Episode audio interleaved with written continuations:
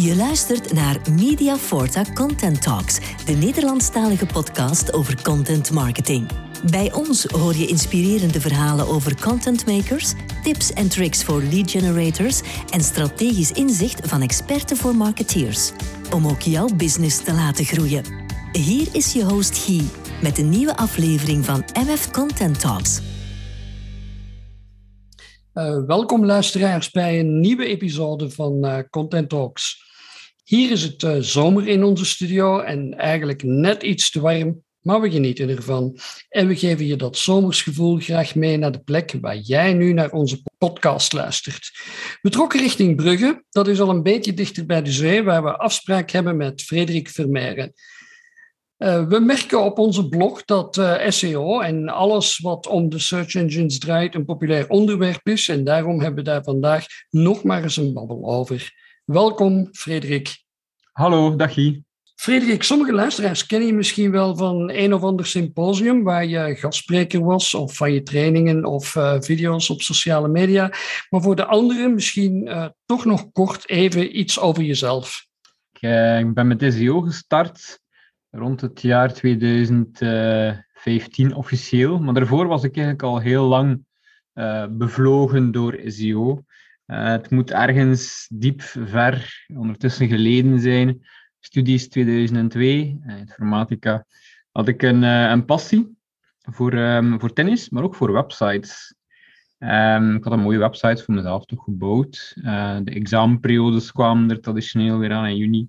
En dan was ik op zoek naar natuurlijk weer iets anders dan studeren. Zo gaat dat in de studententijd. En ik zeg, ik ga een website bouwen over die tennispassie. Maar ik kwam tot een probleem. Uh, mijn website uh, had geen bezoekers. Het was lang voor de periode van social media en, en professionele e-mailmarketing. Dus dan ben ik op um, Alta Vista gestoten voor de iets oudere luisteraars. Gedrocht, want niemand snapte wat de bedoeling was. En er was iets heel eenvoudig, Google. En dat was een wit scherm met een zoekbalk, zoekknop. Nu is het makkelijk om twintig jaar later te zeggen dat dat de way to go was. Maar toen waren er heel wat varianten. Een Ask Chiefs, Yahoo, uh, Hilse.nl. Uh, en dan ben ik mee aan de slag gegaan. Ondertussen was ik developer. Uh, en wist ik ook de ins en de outs technisch um, toch wel te combineren. En dan ben ik eigenlijk um, als freelancer aan de slag gegaan, jaren later ik dan toch de sprong uit de gouden kooi gewaagd. En ondertussen ben ik ben officieel woordzaakvoerder van, uh, van Visio, een bedrijf met een tiental mensen die uh, bedrijven en organisaties helpt in dat ene aspect. Um, SEO natuurlijk. Uh, search Engine Optimization, of in het Nederlands uiteraard zoekmachine optimalisatie. Ja, en het is een passie hè, die jou uh, al heel lang uh, drijft, want je hebt er zelfs een boek over geschreven. Ja, dat klopt. In 2019 um, zag ik dat er toch wel ergens een, een gemis was. Er waren heel veel webinars en, en, blogs en forums die ik kon nalezen. Dat waren eigenlijk allemaal maar ja, dingetjes die perfect werkten voor de bol.coms en de Amazons van deze wereld. Maar echt wel voor iemand die net uh, afgestudeerd was, die voor een kleine KMO aan de slag ging, was er niet echt een stappenplan, een roadmap of, of gewoon een, wat inzichten, hoe pak ik het nu aan? Ik dacht van een boek schrijven om al mijn kennis in te verzamelen leek mij wel interessant, vooral voor jonge mensen, voor meer senior uh, content marketeers en SEO-specialisten, die gaan hun plan wel trekken. Maar voor jonge mensen die net afgestudeerd zijn, uh, was dat heel moeilijk, want uh, in, in, in, hogescholen, universiteiten worden heel weinig SEO gegeven. Dat was eigenlijk een van de eerste triggers om dat boek te gaan schrijven uiteindelijk. Interessant. Frederik, zijn, zijn het vandaag eh, nog steeds dezelfde drijfveren die je aansturen? Of zijn er na eh, zeven jaar uh, Visio en, en, tal van colleges en keynotes weer nieuwe inzichten of tendensen die het voor jou blijvend boeiend maken? Ja, um, de reden dat ik er mee aan de slag ben gegaan, omdat het eigenlijk een combinatie is van, van marketing Vooral de copywriting is een belangrijke pijler natuurlijk, landingspagina's, goede content marketing. En in combinatie met de techniek, um, hoe de websites worden opgebouwd, UX, frameworks, Drupal, WordPress, zaken die, um, die vooral aan de technische IT-kant zitten. Die combinatie maakt het leuk. En ik was vroeger developer En dan zag ik maar één ding van het spectrum, enkel maar IT en uh, websites en te technische zaken, programmeren en developen. Maar die combinatie zorgt er altijd voor dat ik na zeven jaar altijd even gedreven uh, voor klanten en projecten uh, ervoor zorgt dat ze natuurlijker meer zichtbaar in zoekmachines gaan zijn. Ja, en wat is er vandaag anders uh, in de business? Hè? En laten we dan eerst eens kijken naar de, naar de beruchte algoritmes en, en de mhm. zoekmachines zelf. Hè? Want daar heeft iedereen het telkens over, van zodra dat je de term SEO uh, nog maar uitspreekt. Mm -hmm. Wel, ja, ik zeg altijd, uh, de tijd van de tien blauwe saaie hyperlinkjes ligt ondertussen al wel ver achter ons. Toen ik startte met SEO was eigenlijk zoekmachines een vrij saaie aangelegenheid. Je had tien, uh, tien linkjes, je klikte op een linkje en je kwam op een website uh, terecht. Ondertussen is dat helemaal veranderd. Het is ten eerste fase heel visueel geworden. Denk aan YouTube, aan Google Maps, denk aan Twitter, waar zo goede uh, verbindingen en partnerships mee gaan hebben. Foto's, maar ook wat er anders maakt dan, dan destijds, is dat er ook heel veel content van op onze prachtige websites ook in zoekmachines getoond wordt. Uh, dat is vooral met, met bepaalde vraagstellingen die je hebt in zoekmachines. Dan gaat uiteindelijk het antwoord niet meer op je, uiteraard ook op je website te vinden zijn, maar ook het antwoord zal in de zoekmachine zelf te vinden. En dat is toch wel een heel andere insteek dan destijds. Je klikte op een website en kwam op de website terecht. Nu is eigenlijk, en dat is ook wel een beetje waar ik de komende maanden, jaren denk ik ook mee zal bezig zijn, van hoe wordt op mijn website getoond. Maar als tweede fase, en dat wordt misschien belangrijker in de toekomst, wordt het in zoekmachines getoond. Um, dus dat is inderdaad wel een belangrijk verschil tussen zoveel jaren geleden en ondertussen ja, anno 2022. Ja, we gaan het daar uh, straks in het uh, gesprek nog eens verder over hebben. Uh, maar heb je ook een, een wijziging gezien bij, bij je klanten of bij potentiële klanten? is C-level en, en marketeers in het bijzonder, kunnen we zeggen dat ze, dat ze meer matuur geworden zijn op vlak van SEO? Ja, ik heb lange tijd in Nederland um, gewoond en, gewerkt. En daar zag je inderdaad um, die digitale maturiteit al veel meer naar boven komen.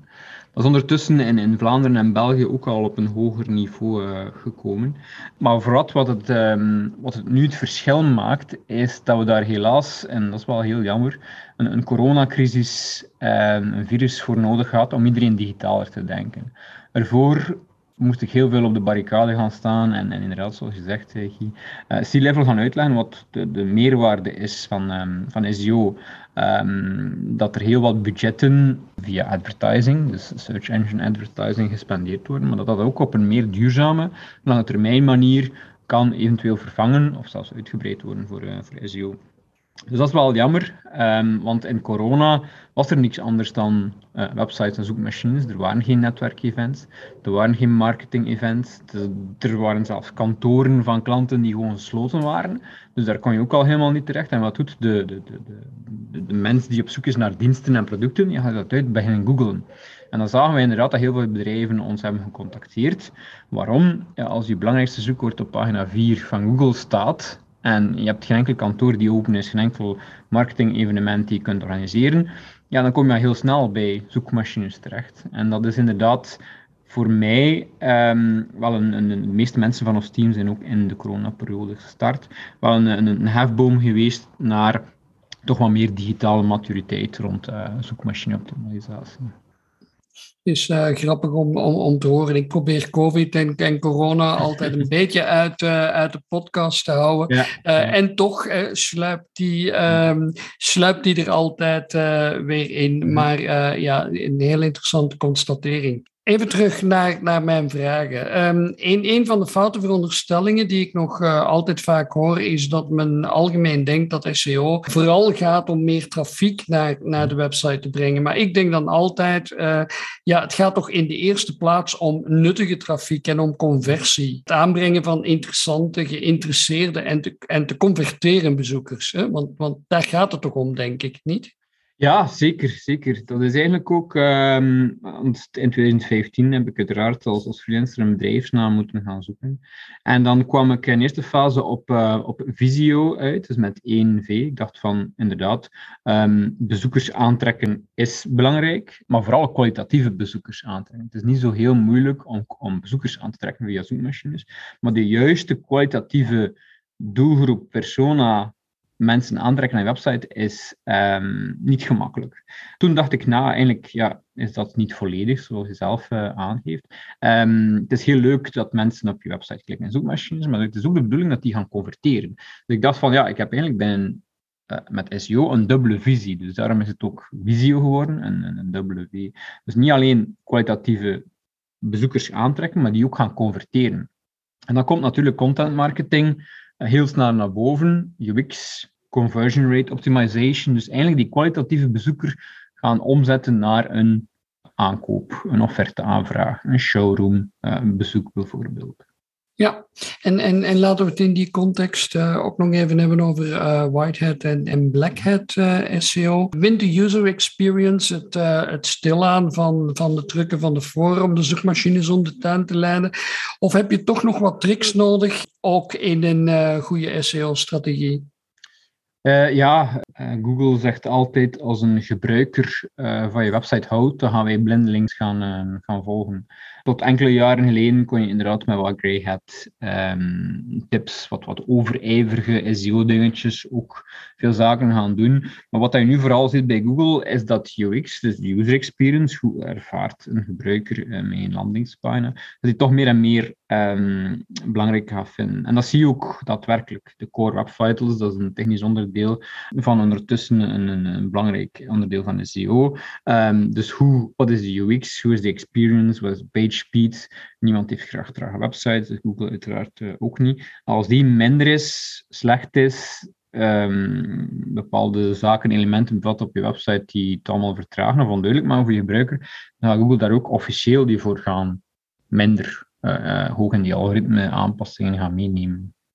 Die content en die staat naast dat technische luik aan, aan. SEO. Hè, want, en vaak is dat technische luik ook al een uitdaging om al die dingen uh, goed op een rij te krijgen. Maar ik denk dat we het erover eens kunnen zijn dat die, dat die technische aspecten opgelost krijgen uh, niet de garantie is om ook goed te scoren. En, en dat dus, hè, zoals je net zei, die content uh, echt het verschil maakt. is dat een soort wisselwerking en hoe zie jij dat? Wel, officieel zie ik um, SEO als drie pijlers. Je hebt de eerste technische. Um, denk aan een goed onderbouwd framework, Drupal, Craft, WordPress, op maat gemaakt. En tweede pijler is content marketing, uiteraard vanuit zoekintenties uh, goede landingspagina's voor gebruikers en zoekmachines gemaakt. En dan als derde eigenlijk linkbuilding. Veel mensen vragen aan mij, ja Fred, ik heb 100 euro, moet ik dan 33 euro aan mijn webbouwer? Techniek, 33 euro aan mijn content marketing specialist gaan geven en 33 euro aan mijn linkbuilder slash PR uh, dame of, um, of heer. Uh, nee, het is trapsgewijs. Het begint allemaal met een goed framework qua website. Als Google niet in staat is om je website goed te capteren, dan mag je nog de mooiste, heb ik vorig jaar meegemaakt, de mooiste 600 blogposts gaan hebben gebaseerd op een goede content marketing. Dan zal het toch niet gaan werken binnen zoekmachines. Dus de eerste stap is inderdaad technisch in orde. Dus kies een websitebouwer die ook de nodige SEO-referenties heeft, die een goed onderbouwd out-of-the-box systeem heeft, die SEO-vriendelijk um, is. En dan als tweede stap is natuurlijk inderdaad content um, marketing als derde stap is inderdaad linkbuilding. Linkbuilding kan je pas gaan doen als je ook iets te vertellen hebt op je, op je website. Mensen gaan niet naar je linken voor je mooie blauwe ogen. Nee, die gaan linken naar bepaalde content marketing stukken waar echt iets ja, diepgaands, iets research, iets, een lijstje met een honderdtal uh, punten op je website, daar gaan mensen naartoe gaan linken. dat is ook kwalitatief en, en, en meaningful. Dus het is eigenlijk een beetje traps geweest. Het begint bij de techniek, je websitebouwer. Content marketing is natuurlijk fantastisch uh, belangrijk, om dan uiteindelijk toch, bij toch wel een, ja, ook een belangrijke derde pijler linkbuilding uh, te gaan komen. Ja. Het is heel duidelijk hoe je dat uitlegt met die, uh, met die trappen, want iedereen uh, snapt als je meteen naar de tweede of de derde trede uh, ja. doorgaat, dat je dan riskeert om, om te vallen. Hm? Mm -hmm. ja. Jullie hebben een aantal grote klanten in jullie portfolio, hè, waar jullie ongetwijfeld heel wat uh, challenges voor hebben en, en hands-on uh, dagelijks werken om hun uh, zichtbaarheid op poten te krijgen. En, en anderzijds bieden jullie daarnaast ook de opleiding voor teams die zelf aan de slag willen gaan. Hè. Het, het groot aantal aanbod uh, aan trainingen geeft vaak de indruk dat je een, een aanzienlijk deel van je SEO uh, zelf kunt aanpakken. Geeft een beetje die indruk. En, en, waar ligt die grens tussen wat je zelf kunt doen en, en de aspecten die je beter aan uh, dedicated specialisten zoals jullie overlaat? Ja, ik ben ondertussen al een tijdje bezig met um, de SEO. En het probleem is dat er bij um, bedrijven weinig of geen ja, strategie ligt. Um, iedereen past leuke uh, pagina's aan qua content, een keer een metatitle aanpassen. Iemand vindt een zoekwoord leuk. Ah, we moeten nooit eens uh, linkbeeld doen. Hebben we eigenlijk wel een SEO-dashboard. Dus binnen de bedrijven is er heel wat kennis aanwezig. Maar hoe het nu weer, uh, volgens onze zeven stappen, hoe dat we ieder project succesvol gaan maken, dat is wat moeilijker. Want op het internet, en dat is natuurlijk een valkuil, kun je heel veel lezen. Uh, als je het allemaal gaat oplijsten, heb je een stappenplan van 2000 stappen, blijkbaar volgens het internet, dat je moet gaan doen. Maar dat is te veel. Niemand gaat dan 2000 stappen beginnen. En bij ons is dat vrij capteerbaar. Uh, wat dat je best eerst, zoals daarnet, mijn, mijn, mijn trapsgewijze um, uh, uitleg van de drie pijlers. Dat is ook iets wat we qua roadmap hebben, een strategie voor, um, voor SEO. Dus wij vragen het ook altijd. Heeft er al keer iemand nagedacht over wat, wat, wat doen we eerst? Is het eerst een workshop over de persona's? Ja, die hebben we al. Oké, stap 2. Um, we gaan een zoekwoorden onderzoeken. Ja, maar dat hebben we ook al. Ah, en weten we al op welke zoekwoorden nou de meeste marges um, hebben en waarin we willen groeien? Ja, dat hebben we ook al. En dan kunnen we technisch gaan kijken. Dan kunnen we content kijken. Dus eigenlijk gewoon een, een een, roadmap. Um, niet gewoon wat ballonnetjes die opgaan in bedrijven, dat zie je heel veel. Ah, we gaan eens het ballonnetje van de core web vitals vastpakken. Ah, we gaan eens het ballonnetje van de zoekwoordenonderzoek. Maar het is geen, geen, geen roadmap waar we gewoon een jaar, want dat is natuurlijk wel het, het, nadeel van, van SEO, dat we als we nu um, 20 blogposts online zetten, dan gaan we morgenochtend om 9 uur niet echt daar al honderden en duizend bezoekers van. Dus we moeten echt wel op lange termijn gaan kunnen denken en durven denken. En die grote bedrijven die zijn al bezig met hoe wil ik volgend jaar mijn digital marketing aanwezigheid hebben.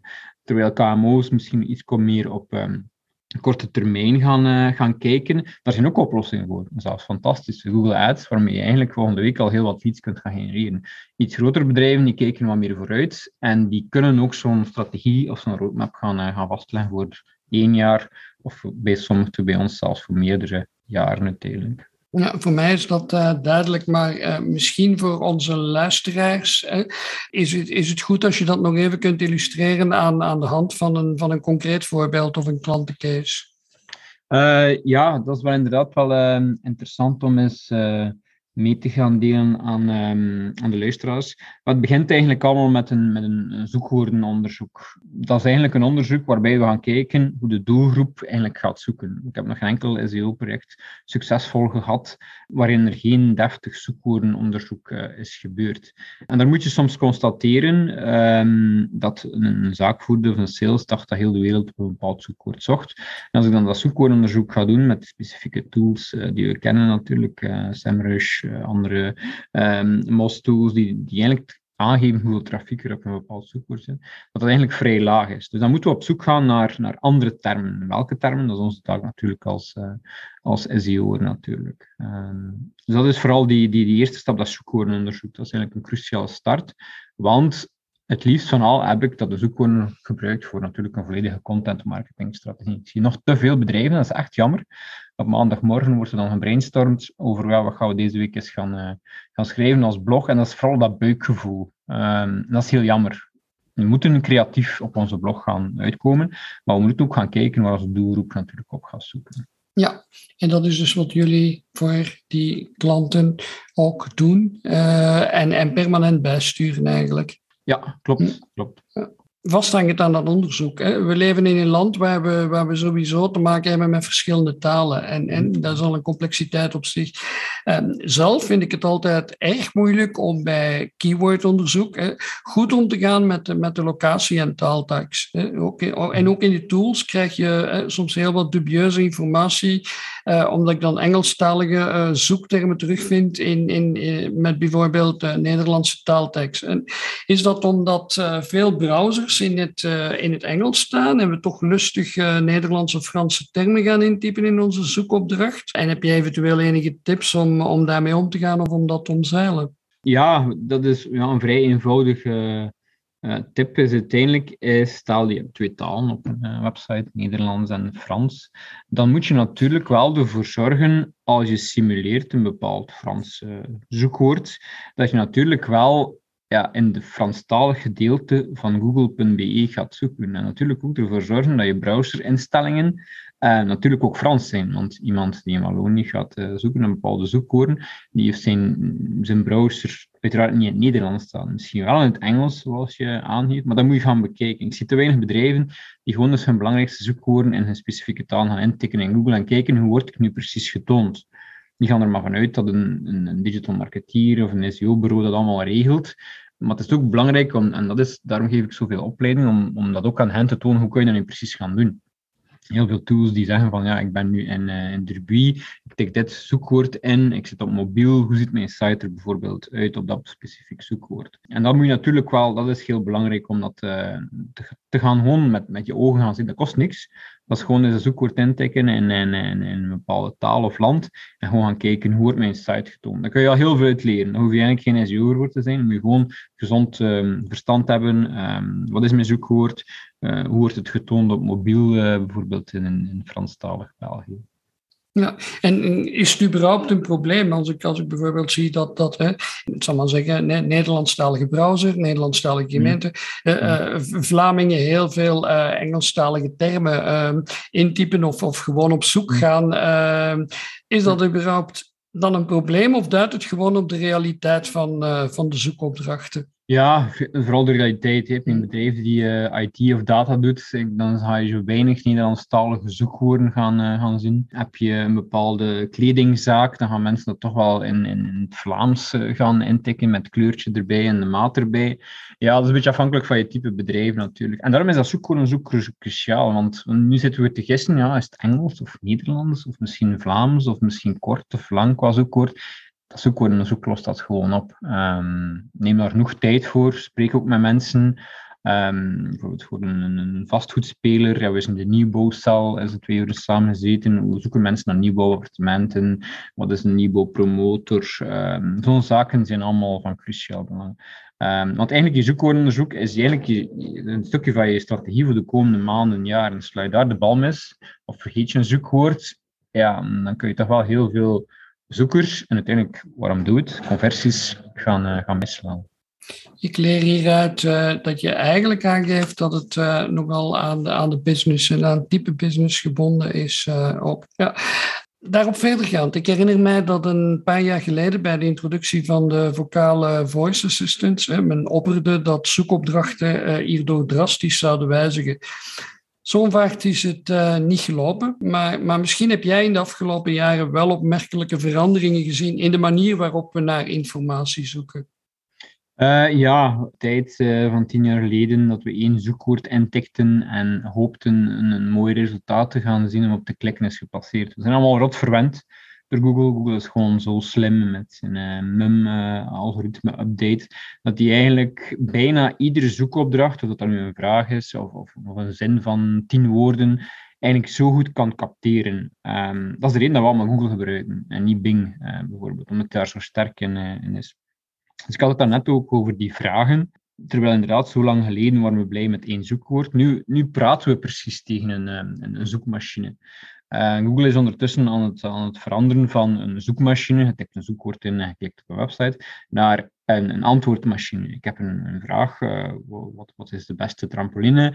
En ik krijg dat antwoord effectief in de zoekmachine zelf. Ik moet niet nog een keer een extra klik gaan doen om het antwoord op een website te gaan vinden. En dat is ook een stukje, stukje user experience. Google wil die, um, die antwoorden allemaal zo snel gaan geven. Dat we eigenlijk allemaal straks nog meer verslaafd gaan zijn aan die zoekmachine. Dat we eigenlijk straks zelf niet meer gaan spreken over Bing. Dat is uiteindelijk het, de doelstelling.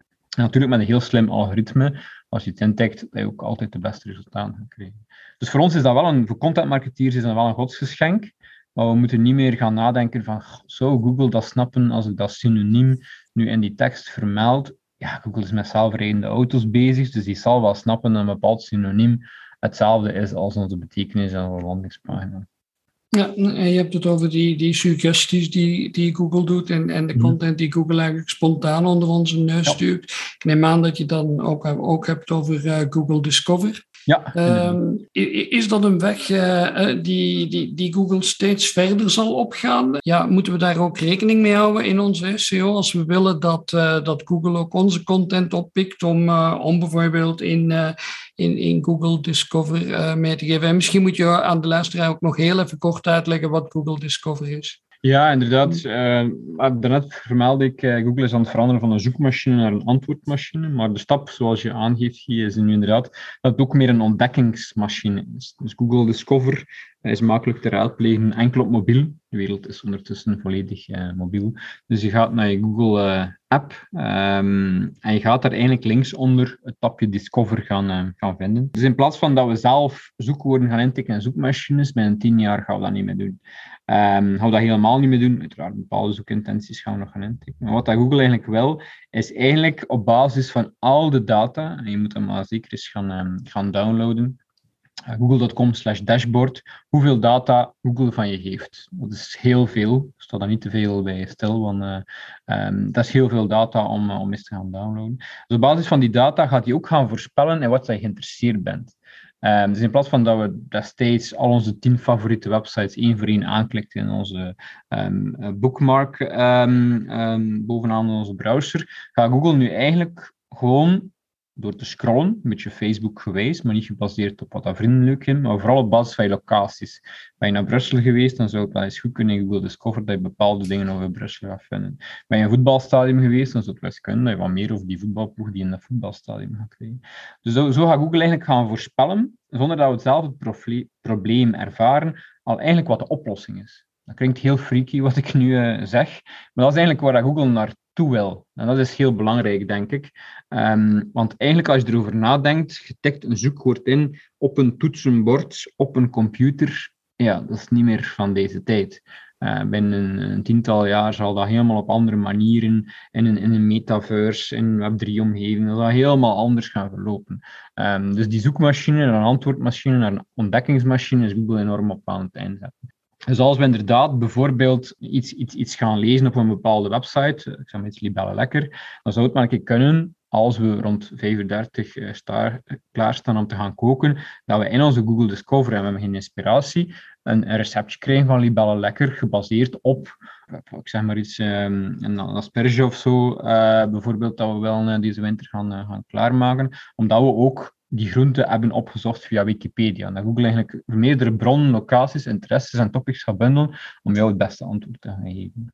Ja, op dit moment gebruikt Google daar uh, vooral uh, content voor die van, uh, van media websites komt, ja. dacht ik. Ja, veel nieuwe websites. Ja, maar jullie hebben een, een aantal ehm, grote klanten in die, uh, in die business. Wat moet je precies doen omdat, uh, omdat Google die content zou oppikken uh, om dan suggesties mee te doen? Ja, vooral trends. Dus ik heb zelf voor een aantal grote media publishers gewerkt. Vooral nieuws wordt heel snel opgepikt. Dingen die gebeuren, um, dingen die op dit moment trending zijn. Um, worden goed opgepikt. stel dat je een, een kledingzaak bent en um, dan zou het interessant zijn van een bepaald content marketing artikel te maken over bijvoorbeeld de, de trends op dit moment voor het najaar 2022, of misschien al wat verder, rond kledij. Um, dat zal goed werken. Dat ene kleedje gaat moeilijk in Google Discover gaan getoond worden. Maar bijvoorbeeld trends, bepaalde dingen die gebeurd zijn, um, nieuwsgebonden zaken, uh, toekomstgerichte zaken, die gaan er makkelijk in opgepikt worden.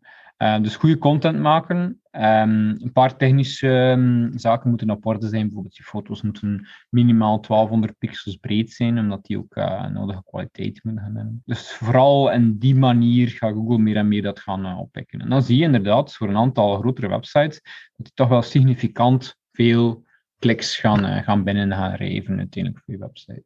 Dus weer als keer een pro en een contra. Mag Google zomaar eh, met onze content aan de haal gaan? Hè? Want je staat natuurlijk je rechten af wanneer je site wordt geïndexeerd door Google. Mhm, mhm. Maar je kan je natuurlijk wel de vraag stellen of mhm. het ethisch verantwoord is dat uh, Google steeds meer zelf content gaat uh, fetchen. hoe sta jij daar tegenover? Ja, dus inderdaad um, een ethische kwestie. En ik, zoals vermeld, ik heb voor een grote nieuwspublisher uh, gewerkt, en nog altijd. En in Frankrijk hadden een, ja, een zestal publishers daar een probleem mee. Want bepaalde headlines werden getoond in Google. Mensen klikten niet meer door. Dat wilde dat betekende dat ze ook niet meer op de pagina kwamen waar advertentieinkomsten binnenkwamen. Dus die hebben samen gespannen tegen Google, wat op zich geen gemakkelijke opdracht is. Um, die hebben dan, ja, zijn dan met een kluitje in het riet uh, weggestuurd geweest, maar Google heeft toch een kleine aanpassing gedaan. Het probleem is dat we er niet heel veel kunnen tegen doen. Het is zo'n groot monopolie dat heel moeilijk is. Dus wat ik wel is um, uiteraard heel veel kliks naar um, mijn websites. Maar het probleem is dat als het antwoord al getoond wordt in zoekmachines, gaan mensen het antwoord daar lezen en niet meer klikken. Dus bijvoorbeeld um, voor, uh, voor mijn spar werken we bijvoorbeeld hoeveel vis uh, op de barbecue per persoon. Je tikt dat dus in Google in. Het antwoord staat daar gewoon letterlijk Dus mensen klikken niet meer door naar mijn spar. Ik moet uitleggen aan mijn spar dat de statistieken van het SEO-traject minder en minder worden. De zichtbaarheid blijft hetzelfde, maar de klikken aan. Dus wat is onze strategie daaromtrent? Is door de zichtbaarheid te behouden, altijd helemaal bovenaan met een feature snippet in Google te gaan staan, maar het antwoord niet meer zo exact daarin te gaan plaatsen. Dus bijvoorbeeld door te vermelden, ja, dat is vanaf 300 gram per persoon. Wil je exact weten hoeveel, klik dan even door naar mijn spar en dan ga je het antwoord daar gaan, uh, gaan lezen. Dus kliks zijn belangrijk, dat, maar ook gezien worden. Dus wat gaan we ook doen bij de Mijn Spar website? Gaan we ook het logo gaan toevoegen aan, um, aan die feature snippet. Dus het is vooral meer en meer naar branding aan het opschuiven. Ik vind dat mensen ondertussen even belangrijk een klikbuiten uh, getoond worden met een mooi logo, met een attractieve slogan. En natuurlijk nog proberen die klik ook nog. Dat is, dat best of both worlds. Wordt mooi getoond met een feature snippet in zoekmachines. En je hebt nog een keer een klik naar een calculator waar je dan best um, het aantal uh, visgram uh, per persoon op de barbecue kunt gaan raadplegen. Ja, het is goed dat je ook dat uh, visuele um, aspect meegeeft. We hebben het in ons gesprek vandaag vooral over, over Google gehad. Dat is ook niet onlogisch, gezien de, de almacht uh, met meer dan uh, 93% marktaandeel en ook alle suggesties en, en mogelijkheden die Google extra biedt. Maar kunnen we ons met een optimalisatie van Google helemaal redden? Of is het toch nog raadzaam dat we af en toe ook eens naar Bing en naar andere tools kijken, omdat je daar misschien makkelijker nog wat verschil kunt maken? Ja, het hangt een beetje af van je, van je doelgroep. Hè. Als je opeens toch ziet dat je doelgroep Bing gebruikt, ja, dan, dan moet je daar zeker op gaan, uh, gaan inzetten. Bijvoorbeeld Bing Ads, even uh, wegstappen van SEO, kan dat interessant zijn om te kijken of dat er wel een hoeveelheid kwalitatieve bezoekers gaan uh, passeren. Voor SEO hebben we weinig tot geen aparte Bing trajecten. Um, mochten we dit gesprek hebben um, in Amerika, dan zit je daar met Bing toch wel met 20, 25 procent. En is dat veel belangrijker. Dan gaan we daar wel iets apart voor Bing. Momenteel is het ja, zo beperkt dat we al heel blij zijn dat we voldoende tijd en voor budget voor Google gaan inplannen. En uiteindelijk gaat Bing ook maar met al respect naapen wat de algoritmes van Google gaan uh, uiteindelijk gaan, uh, gaan doen. En soms gaan ze een keer iets visueler gaan, um, gaan voorstellen, gaat die metatitle een keer anders door, uh, doorgepakt worden. Maar echt, ja, ik zou, ik zou heel blij zijn dat alle ondernemers en alle luisteraars van, de bedrijven al, al een full focus is SEO Google doen. En als er dan nog tijd over is, dan kan je dus heel diep in uh, Bing SEO gaan tijd. En dan horen we daar ook uh, stilletjes uh, de term budget in. Ja. Um, hoe, hoe, ziet de toekomst er volgens jou uit, Frederik? Blijft de almacht bij de twee grote spelers liggen of gaat dat uh, in de toekomst mogelijk zonder druk van wetgever en privacyorganisatie toch een beetje openbreken? Ja, je ziet een, een andere soort zoeken op ons afkomen. Hè. Ehm, in Amerika, als je iets wilt kopen, dan tik je blijkbaar niet meer Google in, maar ga je meteen naar Amazon. Dat is het vertrekpunt. Dus voor, daar hebben ze wel een, een achterstand, Google, uh, in te halen voor e-commerce. Uh, voor informatie gaan we blijven naar Google gaan. Maar echt wel voor een aankoop van, ik zeg maar, een trampoline, ja, vraagt er dan 10 Amerikanen, 9 daarvan gaan starten bij Amazon.com. Um, straks hebben we een ander fenomeen, onze, onze TikTok. Um, ik heb nu gisteren heel toevallig gelezen dat die hun zoekmachine ook zwaar gaan optimaliseren. TikTok heeft vooral een heel leuke um, tool waarbij leuke filmpjes op je af gaan komen op basis van ook weer um, je, je, gedrag uh, op je smartphone locatie. Er gaat blijkbaar ook een mogelijkheid komen om daarin te gaan zoeken. En natuurlijk als jonge mensen daar heel leuke dingen kunnen, maar je moet natuurlijk wel state of the art zijn zoals Google, dus er gaat daar heel veel budget moeten naartoe stromen. Als die echt state of the art was, zie ik dat wel als een serieuze verandering. Um, en straks gaan we misschien jonge mensen en mensen die iets willen aankopen, ja, gaan misschien niet meer langs Google passeren. Maar voor informatie zitten we nog altijd, denk ik, goed bij Google. Als ik tien jaar vooruit mag kijken. Oké. Laat ons uh, kijken hoe het, uh, hoe het allemaal gaat lopen. En uh, bedankt in elk geval om je, voor jouw interessante bedenkingen. Ik ben zo wat door mijn vragen heen. al heb ik, zoals dat klassiek is bij Content Talks, nog een afsluiter. je mag onze luisteraars nog een ultieme tip of gouden raad meegeven. Ga je gang.